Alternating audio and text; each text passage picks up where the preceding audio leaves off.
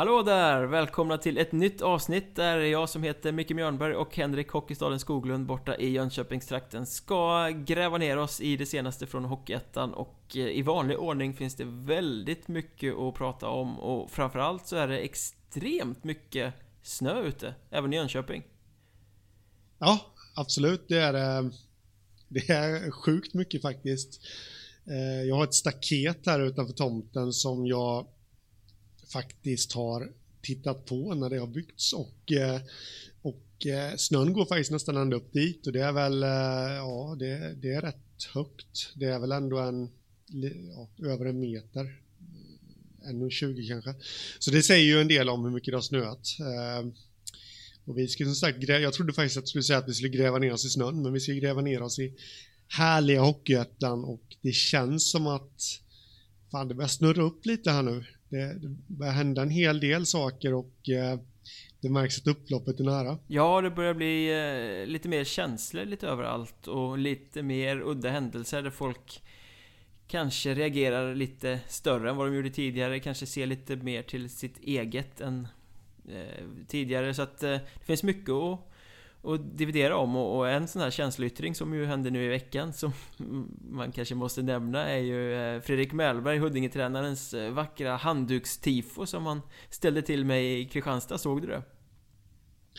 Ja, jag har sett bilderna. Jag, jag har inte sett eh, videon så att säga, men så har jag fått återberättat för mig och eh, ja, jag låter dig berätta som har sett det i alla fall. Så jag såg ju, sen har jag en del att säga. Ja, jag, jag såg ju faktiskt inte matchen som sådan, utan jag har tittat på det här klippet i efterhand och, och det ser ju fantastiskt roligt ut när den här tränaren som kanske är känd för sina ganska stora känslor Han promenerar där på bänken, plötsligt böjer sig bara ner, plockar upp två handdukar och kastar iväg dem mot isen så att de seglar lite sådär fint ner i zonen. Det här hände med 30 sekunder kvar av matchen, Kristianstad leder med 3-1 och jag, som jag ser det så är det inte någon specifik händelse just i den situationen som gör att det här händer utan han bara får för sig att nu jävlar ska de här handdukarna in på isen. Eh, ganska tjusig segling blir det, och, eh, men jag antar att han kanske var sur på tidigare domslut i matchen eller någonting. Men en minst sagt lustig episod. Ja, ja absolut. Eh, och man får ju hoppas på något sätt att det var någonting han hade hakat upp sig på så att det bara var en form av liksom eh, impulshandling att någonting måste hända generellt. Jag får lite vibbar utav Bork där nästan, när han gick ut på isen i Kinnarps arena. Ja just det, Bry Brynäs HV, någon sån där gammal eh, kvartsfinalmatch ja. eller något sånt där va? Mm. Ja, ja precis. Uh, lite så att, ja, det är totalt oväntat. Man skulle kunna rasa jättemycket om att ja, det är så dåligt av Mellberg att göra så här och jag har väl lite svårt att hetsa upp mig jag, jag förstår inte rimligheten i det att, att helt plötsligt bara kasta in handdukar på isen men samtidigt, ja det är mycket adrenalin och som du säger där förmodligen så var han väl sur över någonting. Eh, till slut kokade det över och eh, han fick då den fantastiska idén att kasta in handdukar på isen. Eh, vilket man inte kan förstå när man sitter här i goda ro och men vi har väl alla varit lite småfrustrerade någon gång och eh, ja, Ja, men jag, jag, kan sätta mig in i det där, alltså, du vet när du blir så jävla förbannad på något att du typ slår i en eh, dörr eller liksom kastar någonting i vredesmod sådär. Eh, Den där snopna känslan man får sekunden efter. Lite såhär skamset, vad fan gjorde jag för något? Alltså när man bara kokar ja. över sådär liksom. Det, jag, jag, kan uppskatta det där ändå. Det är klart att man ska inte uppmuntra och, och göra såna här dumma saker Men eh, det blev några minuters abuse på laget Självklart. Och sen kan jag tycka att det är lite små oförargligt liksom. Precis som när någon står och sprutar vatten från båset tycker jag också kan vara lite... Ja, det är väl inte så jävla farligt liksom. Nej, precis. Och folk har ju förmåga att hetsa upp sig över det, men... Eh, någonstans så känner jag att det är ändå känslor vi vill åt i hockeyn och det, det, det måste finnas, eh, alltså... Det, hade Mellberg kastat in en... Eh, en back.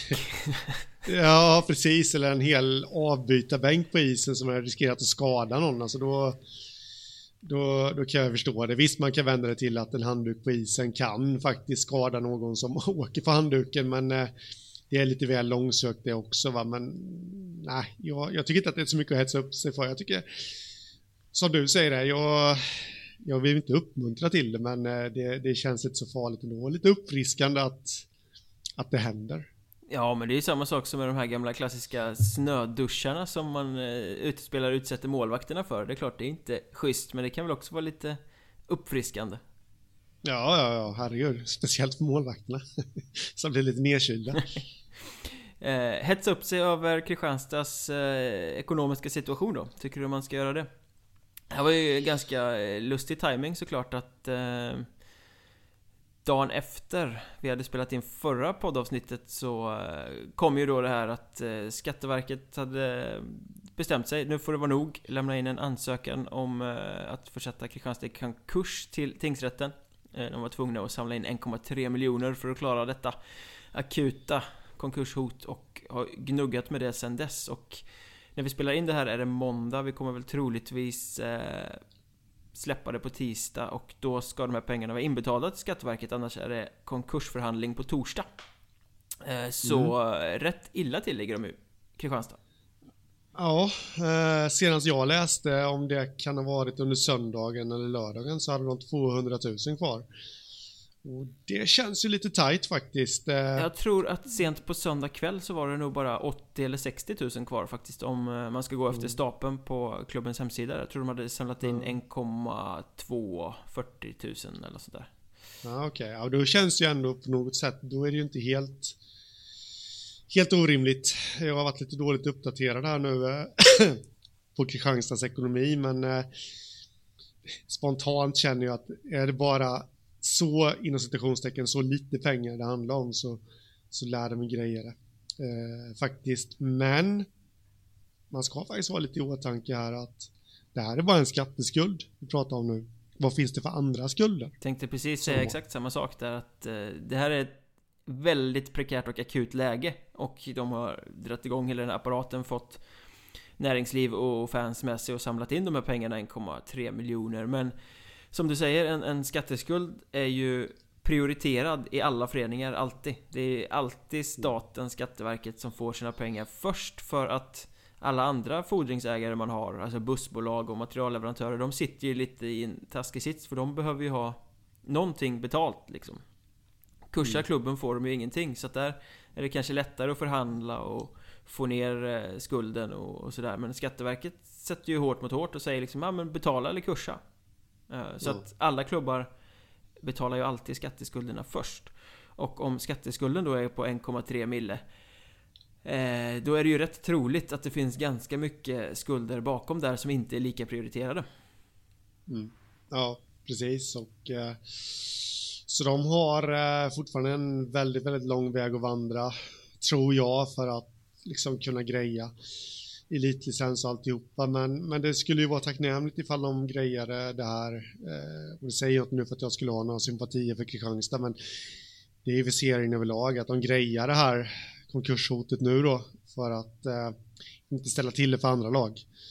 Och kursa mitt under serien, för det, det skulle inte vara så trevligt. Nej, då ska resultat strykas och eh, tabeller ska räknas om och spelscheman blir buckliga och helt plötsligt är det en spelartrupp med väldigt potenta spelare som står där och inte har någon klubb att representera. Det är bara dryg vecka kvar till deadline. Så att... Eh... Mm. Ja, jag skulle precis gå in på det att eh, det kan bli lite kärvt att hitta en ny klubb nu, men eh, en sak som jag, jag vet att jag fick mothugg på detta på Twitter, men, eh, och jag förstår inte riktigt varför. Jag förstår inte riktigt hur folk resonerar, men jag hävdar ju att när det här kom ut så känner jag att där och då skulle Kristianstad faktiskt ha börjat dumpa spelare.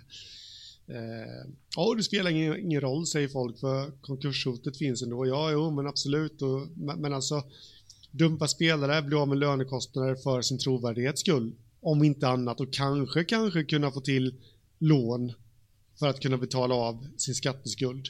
Nu verkar det där lösa sig ändå, men eh, jag vet inte riktigt, men när en klubb hamnar i det här läget och de ligger, de har ett akut konkurshot hängande över sig, så tycker jag att det, det luktar lite illa att man, att man kör på med, med befintlig trupp som vi får anta, anta är rätt dyr också med hockeyettan mot mig. Ja, det är klart att den är det. Det är ju inga dåliga spelare och de spelar inte där gratis. Så Kristianstad har ju varit ute och liksom budat på spelare och trissat upp löner. Det är ju många som vittnar om det. Eh, och, och sen är det ju dessutom så att de spelar i allettan. Det innebär att Hockeyettan-kontraktet för nästa säsong är ju redan eh, säkrat. Så att de skulle ju kunna åka runt och förlora alla matcher som är kvar med 10-0 och, och ändå spela i ettan nästa säsong på sportslig väg. Eh, men mm. de släpper inte en enda spelare här utan fortsätter köra framåt och teorin som det leder mig fram till, det kan ju vara rätt eller fel, det, det vet jag inte för den insynen har jag inte. Men jag får känslan av att Kristianstad vet att det finns så mycket ekonomiskt bagage här så att det kommer vara extremt omöjligt att nå upp till eh, 200 000 i eget kapital eh, fram i vår. Som de ju kommer behöva ha eftersom de befinner sig i kontrollår. Eh, och då finns det bara ett enda alternativ om man inte vill bli degraderade. Så länge förbundet faktiskt tillämpar de här reglerna som de har satt upp. Och det är att gå upp i Hockeyallsvenskan.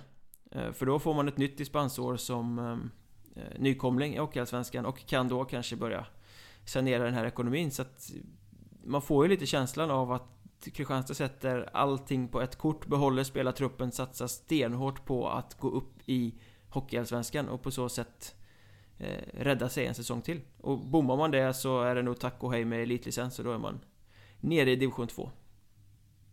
Ja, men det, det, det känns faktiskt lite som det. Eh, så jag var inne på det innan att det enda rimliga egentligen som jag ser i den situationen de befinner sig hade egentligen varit att, att dumpa sin spelartrupp. Jag menar de har jäkligt många spelare som skulle intressera andra lag och, och, och liksom släppt iväg dem gratis i, mot att de hade blivit av med lönekostnaden hade ju hade ju på något sätt varit rätt snyggt av Kristianstad i det här läget att göra. Eh, men de, som du säger, alltså kör de på det, ja, det finns ju ingen anledning för mig att säga emot din teori där. Eh, jag tror också att det är så att de, de gasar nu för fullt och det får bära eller brista och eh, tyvärr, utan att gå händelserna i förväg, så tror jag att mycket lutar åt att det kommer att brista. Jag, jag, tror inte att de kommer gå upp i, i allsvenskan. Men det, det får bli ett ämne för en senare podd. Men eh, så det är lite synd att de behandlar det hela på det här sättet. Ja, och sen är det ju hela den här moraliska diskussionen i allting också. När de hamnar i det här läget, när de sitter med den här spelartruppen och den här kostnaden de har. Samtidigt som de har en jävla skatteskuld som släpar och blir så stor att, att eh, läget blir prekärt. Då är det ju doping. Kristianstad har ju skaffat sig den här sportsliga framgången som de har på ett sätt med pengar som de inte har. Eh, vilket innebär att de har varit ute och, och värvat spelare och på en marknad där de har trissat, trissat löner eh, Eftersom det har varit andra klubbar som varit intresserade av spelare och, och sådär.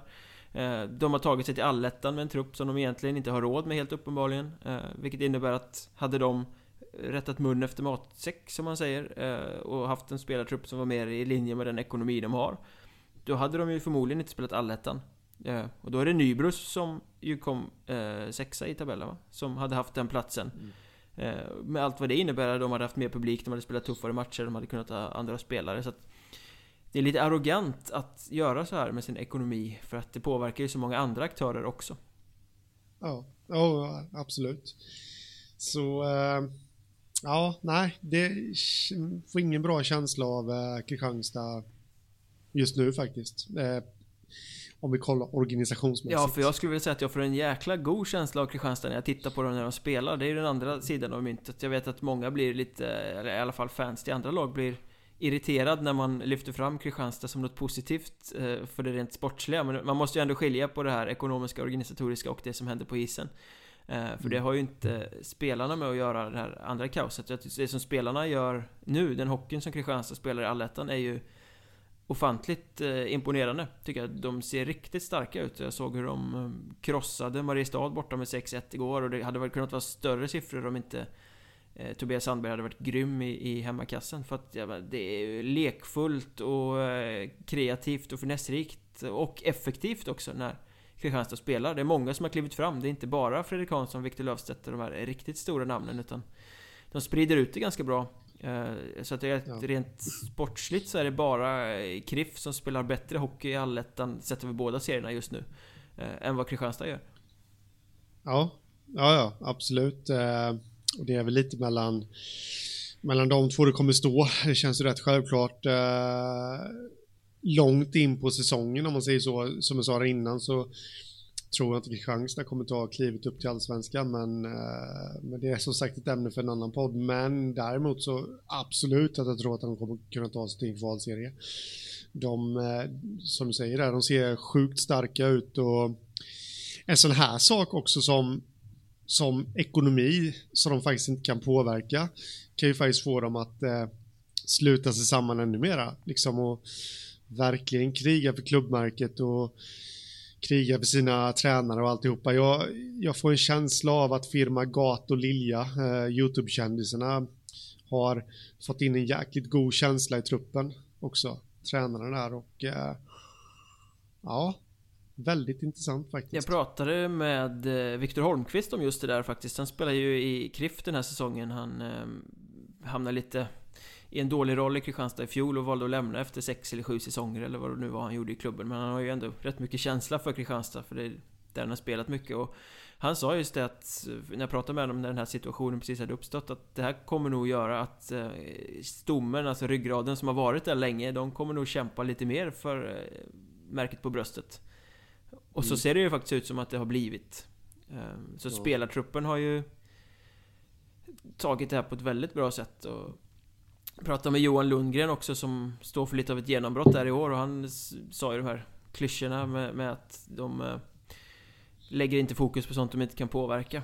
Eh, han håller ju på att utveckla, utbilda sig till ekonom så man undrar hur mycket han funderar. Det, det var kul att veta. ja, det... ja, nej men precis. Eh, som du säger, och det, det, känns lite som att det är den effekten de har fått. Eh, av det hela. Eh, så allt det här negativa verkar kunna få någonting riktigt bra ur sig också. Eh, det är lite synd att, att nu har ju Kristianstad varit bra innan också så det är inte det jag säger men det är lite synd att en sån här tragisk sak ändå som, som det faktiskt är, ekonomiska bekymmer är inget annat än tragik. Eh, det är lite synd att en sån sak ändå ska få, ja, vad ska man säga, en, en sån här, att det ska krävas någonting sånt. Eh, återigen, inte sagt att Kristianstad på något sätt var dåliga innan, men det känns som att de har snäppat upp ännu ett steg här nu. Apropå ekonomi och Kristianstad så eh, kan vi ju kanske efter det här då kasta oss vidare till vad vi kallar Daniel Håkansson-gate. Mm. Som ju har fått en eh, lösning till slut. Ja. Mjölby HC i division 2. Mm. Eh, Mjölby, stackars Mjölby som vi, var det två säsonger sedan de var så ruskigt nära. Ett feldomslut, det, det var någonting med straffar och domare som gjorde fel där som väl gjorde att de inte tog klivet upp i ettan. Men det, det är ju passé nu. Eh, de känns ändå som ett lag som kan vara med och hota om ettan eh, framåt här och då har de ju verkligen fått rätt förstärkning i Daniel Håkansson. Ja, och det har ju varit x antal turer för att eh, alla vet ju att vi har en extremt tunn spelarmarknad eh, i år. All, alla lag i toppen på allettorna vill förstärka, det finns typ ingenting att få tag på. Daniel Håkansson var väl en ensam spets på en väldigt tunn marknad eh, efter att han bröt med Kristianstad där. Eh, men eh, klubbar har jagat honom, men ingen har lyckats eh, signa upp honom. Från början så var ju det här eh, snacket om de 100 000 som ju väl sen har sjunkit och sjunkit och sjunkit ju längre säsongen har gått. Så att just Kristianstads krav eh, på vad för pengar de ska in är inte problemet längre. Utan det verkar vara Håkansson har inte varit sugen att signa någon annanstans än i närområdet till Linköping där han hänger om jag förstår eh, saker rätt. För att jag menar vi har Eh, Hudiksvall har jagat honom, Troja har jagat honom, Vimmerby har jagat honom, Borlänge har jagat honom, Tranås har jagat honom. Eh, jag tror Gripen har varit på honom också. Det är massor av topplag som har velat eh, signa honom. Och behöver inte nämna några namn, det kan ni kanske lista ut själva. Men det sägs att det finns åtminstone något lag i den där klumpen som kunde hosta upp en ganska ansenlig summa för att få loss honom. Men mm. eh, nej, det blir Mjölby istället alltså. Han vill, han vill vara nära Linköping om jag har förstått saken rätt. Mm. Eh, för att skämta till lite, men vill man verkligen vara nära Linköping? Jag har varit i den här staden några gånger och tycker den är tråkig faktiskt. Men eh, nog om det. Eh, jag förstår David Håkansson. Det stora Linköpingshånet kommer där bara från Jönköpingshållet. ja, jag, jag, är inte så förtjust i den staden, men äh, den har sina fördelar också faktiskt. Jag har ätit gott den någon gång, eh, tror jag. Men, eh, nej men skämt åsido, jag, jag kan förstå Daniel Håkansson, alltså hemma är ändå alltid hemma, han är från Linköping och alltihopa. Så det är väl inte så mycket att säga om det. Det, det, det som, när man hör det här, som, som man tycker är lite skumt, det är ju ändå att det är ändå pendlingsavstånd till Tranås. Jag, jag, kan inte riktigt geografin där, men det känns väl som att Tranås och Mjölby är samma om du utgår från Linköping och eh, ja, då blir man lite fundersam. Jag hade ju hellre valt Tranås som jag hade varit Daniel Håkansson än Mjölby. Eh, no offense till Mjölby, men alltså, Tranås har goda möjligheter att kvala upp till allsvenskan och här nu framåt våren och känns intressanta överlag. Så... Det finns ju dessutom redan ganska många Linköpingsbördiga spelare i Tranås-truppen och mm. det rullar ju pendlingsbilar från Linköping till Tranås. En del folk i truppen som bor där så att det hade ju varit mycket roligare att se honom där än att, alltså det är ju slöseri med talang att han ska spela division 2 hockey. Även om det vankas kval och så vidare. Ja, precis, precis. Eh... Apropå, det är, ja. ja. Nej, men samtidigt så får man ändå gå tillbaka lite till vad ska man säga, människan här också. Vi vet ju väldigt lite om hur han tänker och resonerar så eh, man får väl ändå säga, ja men bra val. Känner han att Mjölby var det han tände på så ska han ju självklart ta det. Degdala som det brukar kallas. Jaha, det var nyheter för mig. Men apropå Tranås så eh, måste vi också lyfta Robin Johansson som fick nio matchers avstängning för sin extremt vårdslösa huvudtackling på Vimmerbys Pontus Johansson. Ja, den var eh, ful. Den var riktigt ful. Eh, väldigt onödig. Men Tranås väljer att överklaga den här domen. Med någon sorts luddig förklaring om att de tyckte att den här tacklingen som deras egen Pontus Eklöf åkte på av Alvin Storm Han fick ju sju matcher för den Storm. Och så Tycker de att varför får vi nio då? Så blir det någon sån här Ego-grej som de gör att de överklagar. Jag tycker att det är bedrövligt att de eh, överklagar faktiskt. Det är magstarkt för att här har vi en eh, diskussion som eh, handlar om i det stora hela i Hockeysverige att vi ska vara mot huvudtacklingar, vi måste arbeta för att få bort dem ur spelet, vi måste ha ett stort attitydarbete för att sådana här grejer inte ska hända. För att det är ett stort, stort problem, kanske det största problemet vi har i svensk hockey. Och att då gå in och börja dividera om sådana här små saker Ska det vara nio eller sju matcher och överklaga en tackling som uppenbarligen är jätteful Det är ju bara idioti, tycker jag. Alltså det, det signalerar bara huvudtacklingar Det är fult, det ska vi ha bort, men inte när vi gör det. Alltså man, man ser bara till, man hade kunnat de får gärna tycka att nio matcher är för mycket. Det, det, visst, tyckte. Men håll käften, ta en smäll för ett högre syfte istället för att bara se till sitt eget och vara ego. Ehm, jag tycker, jag, tycker, jag gillar inte alls den där överklagan faktiskt. Nej, jag, jag håller med dig där och sen det känns som att det har gått lite inflation i det här med att överklaga till Riksidrottsnämnden. Eh, vad heter han, Leon Bristedt i Rögle var ju den som började, eh, eller Rögle började med att överklaga hans filmningsböter eh, och han fick rätt. Och jag säger ingenting om det. Det, det, det, var väl rätt liksom på så vis, men sen fortsatte det där med Fanny Rask som också fick rätt. Hon gick från sju matcher till noll när Riksidrottsnämnden fick eh, lägga sina fingrar i den syltburken där och eh, nu har vi Mattias Rittola som överklagat. Eh, när vi spelar in det här så är inte det eh, eh, avgjort än. Sen är det något mer fall som jag har glömt bort nu och sen nu då har vi Robin Johansson. Det, det känns liksom som att Leon Bristedt och det är absolut ingenting gentemot honom här nu. Men det känns som att han på något vis öppnade någon slags eh, dammlucka här vid eh, Eh. jag har egentligen ingenting emot att man överklagar någonting om det är uppenbart fel. Alltså om det är ett, eh, ett eh, väldigt konstigt beslut. Men här handlar det ju om en tackling som är jätteful. Där han inte visar respekt, han visar inget ansvar. Han hade kunnat undvika den om man bara hade liksom tänkt till. Han plöjer på rätt i huvudet, det blir en hjärnskakning som följd. Pontus Johansson borta ett bra tag. Eh, så det handlar ju inte om att det, det, är något fel på beslutet. Det handlar om att man vill att det ska vara några få matchers mindre avstängning och det handlar ju bara om ren egoism. Alltså man ser bara till sitt eget för att man vill ha sin duktige back i spel. Eh, och jag blev lite förvånad. Jag tycker alltså Stefan Fransson är ju en väldigt klok herre, klubbchef i Tranås här. Ehm, som jag kan sympatisera med på väldigt många sätt. Men just här tycker jag att det är lite konstigt att välja att göra det här beslutet. Sen är ju faran också att, eh, jag håller med dig i allt du säger här. Sen är ju faran, eh, jag blir inte riktigt klok på alla de här reglerna och sånt där men eh, jag vet att jag vid något annat tillfälle har diskuterat detta i ett helt annat sammanhang också att eh, i och med att jag då tycker att det har blivit lite inflation i det här, inflation, inte inflammation, inflation i att, ta, i att överklaga avstängningar. Det är ju det att om man nu leker med tanken att det här hade skett i ett playoffmöte mellan Tranås och Vimmerby, match 1, så hade ju rimligtvis Tranås kunnat, nu fick han ju game i och för sig så han var redan avstängd matchen efter om jag minns det rätt nu.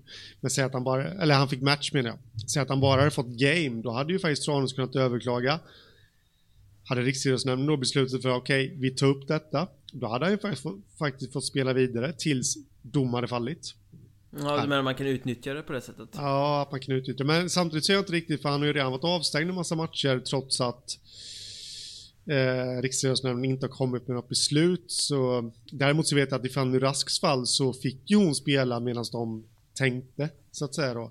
Eh, nu blir hon frikänd självklart, eh, så det var ju rätt då att hon fick eh, spela, men eh, jag blir inte riktigt klok på det. Någonstans så känner jag att eh, utan att ha fullständig koll på reglerna där så känner jag ändå att sätts det här i system så skulle det kunna utnyttjas eh, liksom att man chansar på att överklaga. För att om jag har förstått det rätt så, så, så är det bara när Riksidrottsnämnden beslutar sig för att de ska fundera som en avstängning kan upphävas i väntan på deras utslag då. Däremot säger de nej, vi plockar inte upp detta så gäller avstängningen mm. ändå.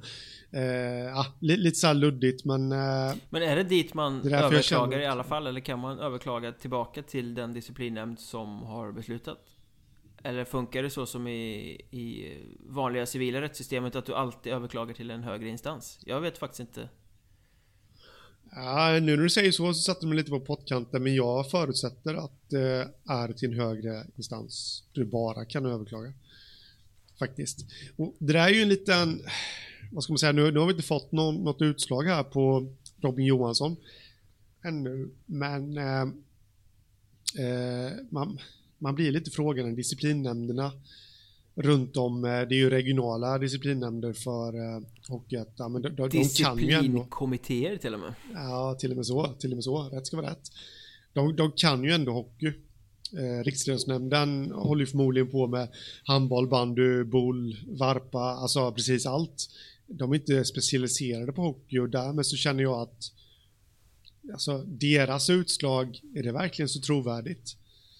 När det väl kommer, ska man verkligen lita på det? Det, det är en diskussion som man faktiskt kan hålla på med i flera timmar, men jag blir, ja, det skulle vara intressant att veta hur pass hockeykunniga är de? Alltså de kan ju förmodligen hockey, men hur pass nördiga i hockey är de? Eh, det skulle faktiskt vara väldigt intressant. Mm. Men oavsett vilket, var man än överklagar så eh, tycker vi att det är fel att överklaga i det här fallet. Ja, absolut. I det här fallet så är det, tycker jag, fel. Eh, för någonstans, han kommer ju ändå stängas av. Har jäkligt svårt för att se att han kommer bli frikänd. Nej, det finns ju inte på kartan. och liksom, ska de då sänka straffet med, ja, några matcher hit eller dit. De kanske höjer det till och med. Det är, det är jag, jag skulle vilja liksom sträcka mig till att det här, ett sånt överklagande är ett misslyckande i attitydarbetet mot huvudtacklingen. Absolut. Vi fortsätter på det lite negativa eller tråkiga spåret kan vi säga så kom det ju nu på under söndagen att eh, Enköpings tränare Robert Kimby väljer att ta timeout. Han, eh, jag läste någon artikel där, jag tror det var Enköpingsposten Eh, han är utmattad. Han är slutkörd, helt enkelt. Och eh, väljer att se till sig själv och ta timeout med omedelbar verkan. Det är, vad ska man säga, slitsamt att vara eh, headcoach i ett Eh, ganska, eller en ganska liten förening i Hockeyettan, med allt vad det innebär. Ja, det, det är bara att beklaga faktiskt och för Kimbys skull här. Eh, det är tråkigt att det har gått så långt och jag hoppas att han landar på fötterna så att säga och helt rätt beslut att han tar den här timeouten måste jag börja med att säga. Men ja, absolut, det är allra högst troligt sjukt slitsamt. Jag pratade faktiskt med en ledare inom en SHL-organisation här för ett tag sedan och eh, någonstans så får man ju lite den här uppfattningen då att eh, att, eh, ja, men, att vara tränare i ett SHL-lag oavsett egentligen vilken roll du än har det måste ju ändå vara rätt glassigt. Nej, det var inte riktigt så. Det var arbetsdagar från, ja, ibland var det upp klockan fem eh, och eh, hem vid halv sex på kvällen ungefär. Sen ska du lägga till resor och du ska, alltså allt då med det här, det är matcher och, och alltihopa och du, du har en hel del roller ändå och då kan man ju bara översätta det till en tränare i Hockeyettan, huvudtränare, att som ska ha ansvar för så grymt många bitar liksom att eh, oj. Ja, i, i SHL är de ju ändå, det, det är tufft att vara tränare såklart, men det, det är ju ändå skyddad verkstad för du har en stab runt dig, du har folk som, en organisation som gör saker. I. i Hockeyettan det, det här var ju, och i Kimbys fall hos Enköping så står han ju egentligen helt ensam och ska göra ja. allt. Jo, ja, jag, jag vill bara förtydliga det att det var en person i den här så kallade staben då runt som jag pratade med. Det var inte en huvudtränare utan det var bara en, en tränare helt enkelt. Eh, men eh, och då är arbetsbördan ändå rätt hård där, så att eh, då kan man ju förstå hur det är för en huvudtränare i Hockeyettan som, det är ju många, alltså folk tror ju inte att, ja men Hockeyettan spelar lite i periferin och lite i skymundan, men det, det är ju jäkligt många som bryr sig om lagen och, och liksom ställer frågor och det blir press där med liksom. Så att, ja, och det är resor som ska ordnas och det är administration runt avstängningar som händer och det är liksom att det handlar inte bara om att ta ut coacha och träna laget utan det handlar ju om så extremt mycket mer. Det är väldigt mycket administrativ skit som ligger på en eh, tränare i Hockeyettan. Mm. Bland annat då överklagningar. ja, precis. Givetvis olika olika föreningar för vissa. Jag kan ju tänka mig att det är lite softare att vara huvudtränare i Troja Ljungby än vad det är i Enköping till exempel. Ja. Ja, absolut, så är det nog. Men vi hoppas att eh, Kimby kommer tillbaka på fötter och är tillbaka i hockeyn ganska snart igen. För att det är ju ett lovande tränarnamn som det är intressant att följa. Ja, absolut. Intressant att följa för att ha en sån här snygg övergång. Är ju också Östersund och Boden i den norra allettan. Ja, nu är vi fan kommit så långt så att nu är det ju inte överraskningar längre. Nu är det ju topplag på riktigt de där två. Mm. Ja, leder eh, Östersund etta och Boden tvåa och de har 31 poäng bägge två. Liksom 6 poäng för Hudiksvall som har kravlat upp på tredjeplatsen här och 6 poäng med eh, fyra och fem omgångar kvar är ju faktiskt väldigt mycket. Det är ett stort försprång. Så eh, ja, det, känslan man får det är ju att det är de som kommer göra upp om det här. Ja, det ser ju faktiskt ut så och med all rätt också. Medan de här storfavoriterna, Piteå, Borlänge, Hudiksvall har hackat. Eh, Väsby har väl utmanat lite, men de är ju inte riktigt lika bra ändå. Så att det känns ju rimligt. Boden och Östersund är helt enkelt eh, stabilast och bäst i den norra allettan. Så att det är ju bara att lyfta på hatten. Jag såg inte det komma. Nej, nej det gjorde inte jag heller. Absolut inte. Och eh, Ja, de, de har hittat eh, sin grej liksom här. Boden eh, är egentligen bara sköna på något sätt. Vi har varit inne på den där, de spelar på gränsen hela tiden innan och de har ju, de har ju tunga namn. Alltså Per Ledin och, och Tommy Varg där liksom som är eh, ja, rent allmänt sköna bara. Och i Östersund då så har ju, vi har pratat om det i ganska många säsonger nu, ända, egentligen ända sedan Östersund bara kapade Johan Berge eh, för några år sedan för att ge första spaden till Tim Juel så har vi pratat om att nu är det dags för hans genombrott på något sätt. Nu känns det som att det kommer. Eh, för han är ju brutalt bra i allettan. Det går ju knappt att göra mål på karln ju. Nej. Nej men så är det ju. Så att, eh, skönt genombrott. Verkligen. Vilka tror du då? De har väl, som du sa, samma poäng just nu inför de avslutande omgångarna. Vilka, vilka tror du är starkast i, i slutändan? Oh, oj. Vilken fråga. Det känns som att det är... Det känns som att det är på något vis... Eh, sjukt omöjligt att svara på. De, de möts ju också här i mitten av februari. Eh, bägge gängen, om jag inte minns fel, har väl tokjumbon Vännäs kvar också. Så det känns att de har rätt lika förutsättningar eh, inför framtiden här. Så... Det kan ju bli som en final mellan äh, mötet. Ja. Vad sa du nu? Det kan ju bli som en final mellan dem då, det där mötet. Ja, alltså, ja. den som vinner där vinner serien. Ja, ja, jo, men så är det. Så att, eh, intressant. Det är ju tredje sista omgången också, tror jag, de möts i. Så att, eh, ja, spännande. Om de nu vill vinna ja. serien. Ja, och få vila i 21 dagar eller vad det nu är. Ja, men den diskussionen har vi haft förut och kommit fram till ja. att nej, det är kanske är bättre att gå in i Playoff 2. Jag vet inte. Ja. Det beror väl helt på hur skadeläget ser ut i truppen och sådär. Ja. Men vi, vi eh, eh, tjatade ju om Marcus Persson och Borlänge förra podden, eller om det var två avsnitt sen, jag kommer inte ihåg riktigt. Men att det såg ut lite som att alldeles för många i laget lämnade över ansvaret till just honom. Att han skulle göra det eftersom han har varit så sylvass. Eh, där tycker jag Borlänge har hittat eh, ut från det på sista tiden. Att de, det är fler som har bidragit och så. De har inte tagit jättemycket poäng för det, men det ser bättre ut på den fronten. Däremot skulle jag vilja applicera ungefär samma tänk på Piteå just nu. Eh, jag tittade båda mötena mot Boden faktiskt förra veckan där de eh, åkte på däng båda och det blir lite väl uppenbart på något sätt att det är första linan som ska göra det. Magnus Isaksson, Joakim Högberg och eh, Karl Becker. Det är så väldigt mycket ansvar som vilar på dem att det blir lagets stora svaghet. Att det är de som ska göra det. Eller vad, vad tycker du om den amatöranalysen? ja, så får jag komma med en amatöranalys här nu. Jag, alltså det där, det där är en liten, eh, vad ska man säga, litet spörsmål som jag genom åren har haft väldigt svårt för att bestämma mig för lite vad som är rätt eller fel. Eh, ett, alltså du kan komma jäkligt långt med en stark första kedja som driver laget och, och på något vis går i bräschen hela tiden samtidigt som du kan komma väldigt långt med, en, eh, med ett jämnt lag där vem som helst kan kliva fram. Så... Äh, jag vet faktiskt inte. Jag, kan inte bestämma mig för det. Nej, men alltså, det, det bästa måste ju då vara som eh, Kallinge-Ronneby till exempel, som har en extremt stark eh, första kedja med Stefan Söder, Daniel Andersson, Sebastian Magnusson. Jag tror att de ligger på de tre första platserna i Söderseriens poängliga. Eh, men där de har tre lines till bakom som också är potenta och kan leverera. Ja, då, då är det ju sylvass. Eh, liksom. Ja. Eller så blir du Hanhals som liksom Robin Karlsson, Pontus Andreasson och Mattias Elfström heter han va?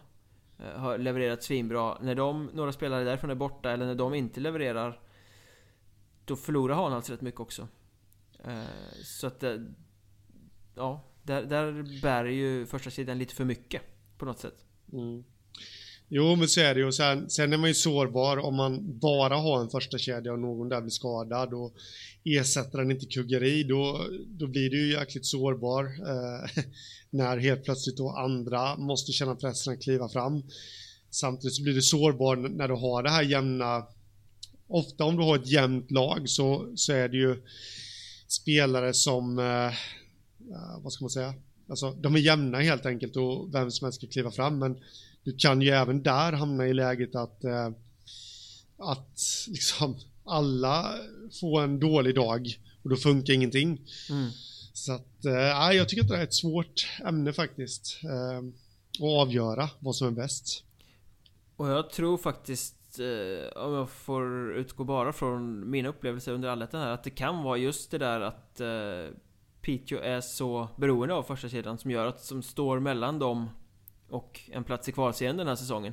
Det känns som det var lite fler spelare som bidrog förra året eh, än vad det är i år. Mm. För jag menar, du kommer in i playoff Piteå kommer förmodligen behöva gå ja, troligtvis tre playoff-runder eh, Allra minst två, för de är inte nära att vinna den här serien eh, Det innebär att motståndarna kommer ju göra sin läxa, de kommer satsa allt krut på att stänga den där linen ja, och, ja, och, och, lyckas de med det i två playoff-matcher, då är, talar ju ganska mycket för att de vinner de två playoff-matcherna Ja, ja absolut, så är det Sen inträffade det ju något lite lustigt på eh, söndagen också det skulle spelas eh, häftig allettan-match mellan Kallinge-Ronneby IF, som vi nämner ofta i den här podden, och Visby-Roma. De två av tre dubbelnamn i den eh, södra allettan. Troja Ljungby också. Eh, men det blev inget. Nej. Det berodde ju på att eh, på grund av ovädret så blev ju först och främst Visby försenade med sitt flyg ner och eh, när det här eh, bagaget som de hade med sig då, alltså all utrustning och sånt skulle packas om så så kom det väl på fel plan. Det var i alla fall inte med planet ner till eh, Ronneby. Vilket eh, väl, ja, jag vet inte. You only had one job, som man säger. Eh, någon har klantat rejält på Arlanda flygplats där och eh, matchen fick helt enkelt ställas in för de hade ingen utrustning med sig. Man undrar ju vem som satt med den där utrustningen sen, om den skickades till fel ställe. Det skulle vara ett kul sån här filmscen, när det sitter något litet barn som har beställt någon Playmobil-sats som ska leka med och så kommer det 17 trunkar med svettiga suspensoarer istället. Ja, precis. Och sen eh, sitter Martin Ostervik, eh, reservmålvakten där i, eller andremålvakten i Visby och leker med Playmobil istället. det hade varit något. och hela Kallinge-publiken bara buar. Tror du holländare gillar sånt? Ja, det tror jag. Absolut. Eh, men eh, det här blev ju en liten, jag, jag såg igår på Twitter att eh, ja, men eh, de kan väl spela imorgon då, alltså som idag när vi spelar in detta var det några som tyckte och vill man så kan man eh, då att Kallinge skulle arrangera hemmamatchen mot Visby, för Visby skulle ändå bo kvar eh, i eh, Ronneby, på Ronneby brunn efter matchen, efter den tänkta matchen, men ja, vi vet ju ännu inte, ännu inte när matchen blir av och jag känner väl som så här att så jäkla enkelt är det väl inte bara att styra upp en match när man inte har planerat det från början. Jag vet inte vad du säger. Nej, det handlar ju väldigt mycket om vad som finns tillgängligt. Liksom, är, isen ledig först och främst? Det, det, är den ju oftast inte ute i hallarna i landet, utan det är ju konståkning och det är andra lag som ska träna och det är allmänhetens åkning och det är rekreationshockey för företag och massa sånt där som ska in i hallarna. Så att först och främst är det frågan, finns det istid? dagen efter mm. att spela. Sen måste du ha hela eh. matchorganisationen, du måste ha ditt sjukvårdare, du måste ha ditt eh, funktionärer och allting sånt där. Så att det är ju... Det går ju säkert att ordna om man har en slimmad organisation som verkligen är bra på att göra såna här grejer, men... Det är inte bara att säga att vi spelar imorgon och så gör man det, utan apparaten är ju mm. extremt mycket större än så. Även om det såklart blir en tokig jävla kostnad för Visby att ligga över på Ronnebybrunn, åka tillbaka till ön och sen komma tillbaka en gång till för att försöka göra ja. det här en gång på riktigt liksom. Ja. Jag pratade med en representant för eh, Kallinge Ronneby igår eh, som var bedrövad och med, han sa ju samma sak där att det, det är inte, jag sa hade vi tackat ja nu till det spelar imorgon och sen inte kunna få upp organisationen då med sjukvård och allt det här då, alltså, vi kunde inte tacka ja nu för att vi var tvungna att veta om vi skulle få ihop det. Och, och det förstår man ju att det går ju inte bara att liksom, ja, bestämma det på bara några timmar. Det är ju jättemånga människor som är inblandade i det här så att eh, vaktmästare som ska till också, går kommunen med på att eh, ge dem extra betalt. För då krävs det inte bara en vaktmästare utan det kanske är två eller flera till och med för att eh, ja, genomföra ett sånt arrangemang då. Så jag tror säkert att Kallinge-Ronneby ville och hade den goda viljan att eh, genomföra matchen under måndagen men det är så mycket annat som ska med i allt det här så jag, jag tycker väl att ja, det är lätt att sitta och gasta lite vid sidan av det att det är klart att de ska fixa det men ja, det är inte så glasklart känner jag. Ja och sen dessutom var eh, skulle Visbylaget ta vägen kvällen efter då? Ehm, ja, precis. För, för jag menar eh, Det är klart matchen hade kunnat spelas klockan 10 på förmiddagen eh, och, och sen hade de kunnat ta sig hem men det går inte heller för det finns ju säkert spelare som jobbar eller liksom sådär som inte kan spela matchen då. Och hade de spelat den på kvällen Ja men då hade de ju suttit i samma läge igen. Går det att ta sig tillbaka? Hinner de tillbaka till någon båt till Visby? Nej, förmodligen inte. Går det att skaka fram hotellrum till en hel trupp då? Inte säkert. Mycket möjligt. Det beror väl på hur beläggningen är där nere. Men, men eh, det, det, finns ju den typen av logistiska hinder också. Ja, ja, precis. Och sen ska ju publiken dit också. Jag menar, vi får ju ändå tänka här att det här, det här är varken Visbys eller Kallinges fel, det, det, ska vara klart för oss, men det här var ändå Kallinges hemmamatch. De, jag vet inte hur många tusen de har räknat med att dra in på den matchen och ska de då bara gå miste om det för att av saker som de inte kan påverka? det får man också ta hänsyn till. Det, det är slimmat med ekonomin och det här är pengar de har räknat med som eh, tokviktiga för dem. Så att eh, det gäller att kunna locka dit publik också. Verkligen. Svår grej helt enkelt. Ja, eh, ruskigt svår grej. Svår grej, det verkar det vara för Nybro att besegra Kalmar också. I alla fall i fortsättningsserien. Eh, Ja. Derby i fredags, Kalmar manövrerar ut Vikings fullständigt skulle jag säga. Eh, Ja. Vann med 4-1 i Liljas arena och eh, jag tittade på webbsändningen där och Nybros kommentatorer, den ena var Håkan Lönngren, den här gamla klassiska YouTube-kändisen och någon annan gök. De ägnade exakt hela sändningen åt att såga Nybro, hur jävla dåliga de var. Um, vilket ju inte alls stod i proportion till hur det såg ut. De var nog bara bittra för att hemmalaget inte vann. Uh, det var snarare Kalmar som skulle ha beröm för det där, för de, eh, de spelade enkelt för en gångs skull. Kalmar brukar mer spela flashigt och lite sådär snyggt, men nu var det Oj, nu blev det jobbigt i egen zon, vi lyfter ut. Oj, nu blev det jobbigt i egen zon, vi lyfter ut. Och så, det är lite cyniskt sådär. Så nu har de ju besegrat Nybro på två sätt i fortsättningsserien. Dels genom att spela flashigt på hemmaplan, genom att spela tight, snyggt, cyniskt, eh, lite tråkigt på bortaplan. Eh, imponerande ändå. Och nu är det ju... Vi hade ju räknat bort det här, men nu är det ju faktiskt fight i toppen på södra fortsättningsserien. Ja, ja absolut. Och då möter de varandra en gång till också i Kalmar. Eh, och den matchen, jag... Alltså, nu går jag lite på historik, men jag, jag, jag tror ju Nybro tar rubbet. Eh, om man räknar mot Kalmar-matchen så tror jag ändå att alltså, Halmstad, Helsingborg och Mörrum och allt det här, det ska de slå. Eh, Dalen torskade igår. Känns som de återigen lite borta från den här toppdiskussionen och eh, då känns det som att Nybro ska ta det med. Eh, men eh, medan Kalmar vet man inte riktigt vad man har, men man får ju nästan räkna med att de, eh, att de ska ta det också, så att säga. Då, då blir den matchen sjukt avgörande. Man hoppas ju att Kalmar tar sig i kragen och faktiskt vinner sina matcher fram till den matchen. För att, att Nybro gör det som du säger, det, det tror jag också. De är det bästa Ja. laget i serien. Kalmar har ju haft en dålig ovana att dippa mot sämre motstånd, tycker jag. Liksom tappat matcher de inte borde göra. Jag menar så som de spelade mot Nybro borta är det helt obegripligt att de kunde bli förnedrade av HC Dalen med 6-0. Ja. Eh, Det är klart de hade kunnat förlora den matchen ändå, men med det spelet så hade de ju lätt kunnat spela i alla fall jämnt och förlora med 4-3 Ja. kanske, eller något. Ehm, men Ja, men, allting, all press på Kalmar, se till att fan styra upp det här nu så att vi kan få en totalt avgörande match nästa derby. Det hade ju, alla vill ju se det. Och det nästa derbyt där eh, kommer ju bli helt avgörande. Om nu Kal både Kalmar och Nybro vinner sina matcher så är faktiskt det Nybros sista match i serien. Eh, Kalmar har en match till efter där. Eh, jag menar, så den kommer ju avgöra allt. Vilken fest det kommer bli.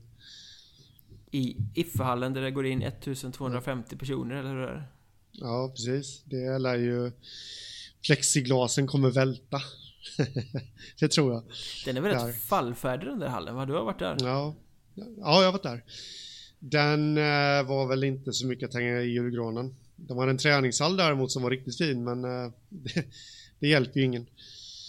Men det går inte in någon Just publik där. Nej, nej, nej. Det är max eh, 25 pers. Märkligt att de inte är mer vältränade då. Ja. ja, jag vet inte hur ofta de tränar här. Det är kanske mer avsett för ungdomarna. Jag vet faktiskt inte. Träna lite, få betalt mycket, spela för Kalmar HC. Ja, fast de betalar inte mer än andra, säger de. No shit. Det är en sån där klassisk jättetöntig klyscha som alla sportchefer i hela jävla Sverige dras med att vi betalar inte så mycket. Jag hade, jag hade, jag hade faktiskt så väldigt gärna sett att klubbar kunde vara lite stolta för att de är duktiga på att dra in pengar. Eh, och liksom kunna säga så här mycket betalar vi, för vi är bra på att dra in pengar i vår förening. Mm. Fast det kan Ja, ju bero precis. på att de inte är så bra på att dra in pengar men ändå betala löner för pengar som de inte har. Kanske sådär. Inte just Kalmar nu i det här, det har jag ingen aning om men eh, det, Apropå andra exempel så har vi ju sett det där förr. Ja, vad jag har förstått det som så kör Kalmar, säger de då att de inte betalar mer än andra och kanske till och med lite mindre än genomsnittet. Jag vet inte, men att de lägger de pengarna de har på saker och ting runt omkring då kanske. Kanske nu då en personlig tränare till någon eller kanske att någon kan få det och det eller sådär. Jag vet inte men eh, det är vad jag har hört i alla fall. Jag tror att eh, sportchefer som har varit med och jagat på samma spelare som Kalmar har en lite annan åsikt faktiskt. ja, jag vet inte. Jag låter det vara osagt. Det är i alla fall vad jag har hört. Eh, om vi släpper just det på isen för en liten stund så närmar det sig deadline för remissvaren för serieutredningen. Eh, Hockeyallsvenskan har redan lämnat in sitt till Svenska Hockeyförbundet och Hockeyettan ska göra detsamma. Eh, de väljer den här gången att inte kommunicera vad de kommer fram till. De har ju fått in väldigt mycket input från de olika klubbarna. Det här tycker vi om Ola Lundbergs förslag och så ska de koka ihop något eget skicka in som remissvar. Eh, den här gången, jag snackade med sportchefen Hasse Ljunggren om det och han sa att nej, den här gången ska de inte kommunicera det offentligt. Vad eh, tycker du om det? Eh, ja, som utomstående och sådär som intresserad så tycker man ju att det är väldigt fegt. Eh, vad är det de har kommit fram till som förmodligen då man känner kommer sticka så mycket i ögonen på folk? Det är mitt spontana svar. Jag tror inte att de har kommit fram till något som kan sticka i ögonen på någon faktiskt. Jag tror mer det är att de eh, fick ganska mycket smisk på fingrarna uppifrån när de publicerade sitt eget förslag tidigare under säsongen och gick ut med det här förslaget där de ville ta bort Hockeyallsvenskan och ha fyra Hockeyettan under SHL istället. Då, mm. Det var väl inte uppskattat längre upp i hierarkin att de gick ut med det och publicerade det. Så att jag tror att de är mer försiktiga den här gången och väljer att skicka in det till förbundet och sen inte prata om det på något sätt. Ja. Eh, sen, ja, sen handlar det väl lite om politik också. Det är inte säkert att alla deras 46 egna klubbar kommer bli jättenöjda med det helhetsförslag de kommer fram till heller. För att Nej. Beroende på var i landet man befinner sig så går ju åsikterna om hur Hockeyettan ska vara uppbyggd isär ganska mycket. Så det är väl mm. kanske ett litet sätt att skydda sig mot det i, i det offentliga samtalet också. Ja, det kan vara så faktiskt.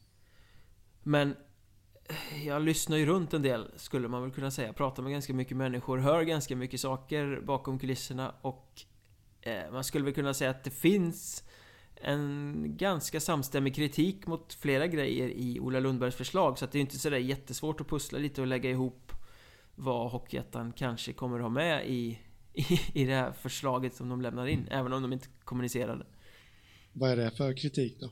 Till exempel, det har ju vi varit inne på också, så finns det ju en stark kritik mot det här att fortsättningsserielagen inte har någonting att spela för. Eh, ja, efter jul i, i det initiala förslaget. Sen finns det ju också ganska mycket motstånd mot den här eh, superettan som Ola Lundberg har efter jul med de fyra bästa lagen från eh, de tre olika grundserierna. Det tror jag alla är överens om att det skulle vara en superhäftig serie, en serie som kommersiellt skulle vara lite lättare att sälja. Även om den skulle vara sjukt svår att sälja så skulle den vara lättare att sälja Eh, än vad dagens upplägg är. Men jag tror att det är väldigt många som är ganska överens om att det är alldeles för dyrt att spela en sån serie. Alltså här har vi lag med ekonomier som går på knäna som då ska sitta och resa fram och tillbaka från norr till söder för att spela en, en serie. Samtidigt som de ekonomiska kraven för att få licens bara skruvas upp. Så att det finns ganska stor tveksamhet till att eh, Superettan som är grymt häftig på papper faktiskt är genomförbar eh, i, i det stora hela. Jag vågar inte säga att det är det som kommer att stå i Hockeyettans förslag, men om man lyssnar på klubbarna så är det nog ganska mycket där kritiken finns. Mm. Ja, det låter ju rätt rimligt faktiskt, även om jag inte håller med. Eh, det kan bli ett ämne för en annan podd, men jag håller inte med om att om det. Men ja, precis. Jag förstår dem ändå. Sen är ju den stora frågan egentligen i grund och botten hur mycket kommer förbundet lyssna på vad ligaorganisationerna säger? Vad är deras liksom Hur stor styrka har de? Ja, men det, jag tror nog ändå att de kommer lyssna på dem. Framförallt om det handlar om ekonomi, för det har ju förbundet fått jättemycket eh, smäll på fingrarna för att eh, det här med att de inte delar ut elitlicenser. Det känns som att de börjar inse att fan, det måste, vi måste ta i med hårdhandskarna nu med ekonomin och att de då ska, vad ska man säga, bädda för det här att klubbarna kan ha en sundare ekonomi. Mm, men hur ska de göra det då menar du? Ja men exempelvis då att inte ha den här superettan ifall nu eh, klubbarna inte vill ha det. Mm, sen, sen är det ju också rätt eh, lustigt det här att när det nya serieupplägget klubbas eh, på förbundsstyrelsens årsmöte är det väl va? I, i juni. Ja. Då har ju inte alla licensbeslut tagits än. För det vet vi att de brukar ju komma rätt långt in på sommaren. Eh, mm. Så det kan ju komma beslut om att det ska vara si och så många lag i ettan. Och sen så finns det inte så många lag för att eh, Sen så försvinner massa licenser över sommaren. Det blir ju Det blir lite fel ordning på det. Ja, precis. Men det är väl omöjligt att få ihop så att det ska passa allt också. Men jag håller med dig att det borde ju rimligtvis ha koll på hur många lag det ska vara. Det ju, Gällande licenserna. Det kan ju bli en rätt intressant sommar. Och jag menar Det skulle ju kunna bli så att både Kristianstad och Kallinge-Ronneby spelar i division 2 nästa säsong. Snacka om att det blir en rätt hypad division 2-serie i så fall. Ja, ja precis. Och av de här 14 lagen i kontrollår, liksom hur många har klarat att vända runt? Mm. Det, det, är väldigt mycket frågor som hänger i luften. Ja, ja absolut. Vi får väl se. Jag skulle väl tippa på att de har väl kanske redan skickat in det när vi släpper den här podden eller så skickar de in det inom det närmsta. Jag tror det är 8 februari som är sista datum. Men eh, jag blev väl inte helt förvånad om det där läcker. Snarare förr än senare. Ja. Nej, det brukar jag göra. Jag kan inte förstå varifrån saker kommer alla gånger faktiskt. Men eh, något annat vi bör ta upp innan vi känner oss klara för dagen? Och kan gå ut och Nej. gräva ner oss i snön istället? Ja, precis. Nej, det, det, finns ju som vanligt jättemånga saker att ta upp, men samtidigt så måste vi spara lite saker inför framtiden också. Apropå snö, har du förresten tänkt på det här stora samhällsproblemet som uppstår just när det kommer så här mycket snö? Att det finns ofantligt mycket människor som när det blir trånga gångvägar eftersom de inte plogar så jättemycket går extremt långsamt och i mitten på vägen. Så att man kommer liksom inte förbi utan att knö sig. Nej, det har jag faktiskt inte tänkt på. Jag har upplevt det så många gånger de senaste dagarna. Jag blir irriterad. Jag vill eh, bara sträcka mig ner och kasta handdukar på dem. Så här, ja, men jag bor ju i Månsarp, eh, lite lantligt. Eh, här är vi lite hårdare. Här plöjer vi gärna igenom snödrivor ifall så krävs. Och kasta flaskor på varandra istället. Ja, det är inte Stockholm här du vet. Och oavsett var ni bor, i Månsarp, Stockholm eller någon annanstans i landet så hittar ni oss i alla fall på sociala medier. Jag heter att Mjornberg, Henrik heter att Hockeystaden. Poddens konto är att. Där får ni gärna komma med förslag på ämnen som vi ska ta upp och snacka om. Eh, Hockeystaden.se, Mjornberg.se, där finns det gott att hitta. Vi finns på Facebook också, Mjölnbergs Trash Talk. Och sen Gillar ni oss så eh, recensera oss gärna i poddapparna. Kommer vi högre upp i sökningar, fler kan hitta fram till det här magnifikt intressanta tugget och så blir vi glada också på köpet. Det är väl eh, inte så tokigt? Nej, absolut inte. Men då säger vi tack för idag så hörs vi snart igen. Tack för idag, slut för idag. Ha det gött.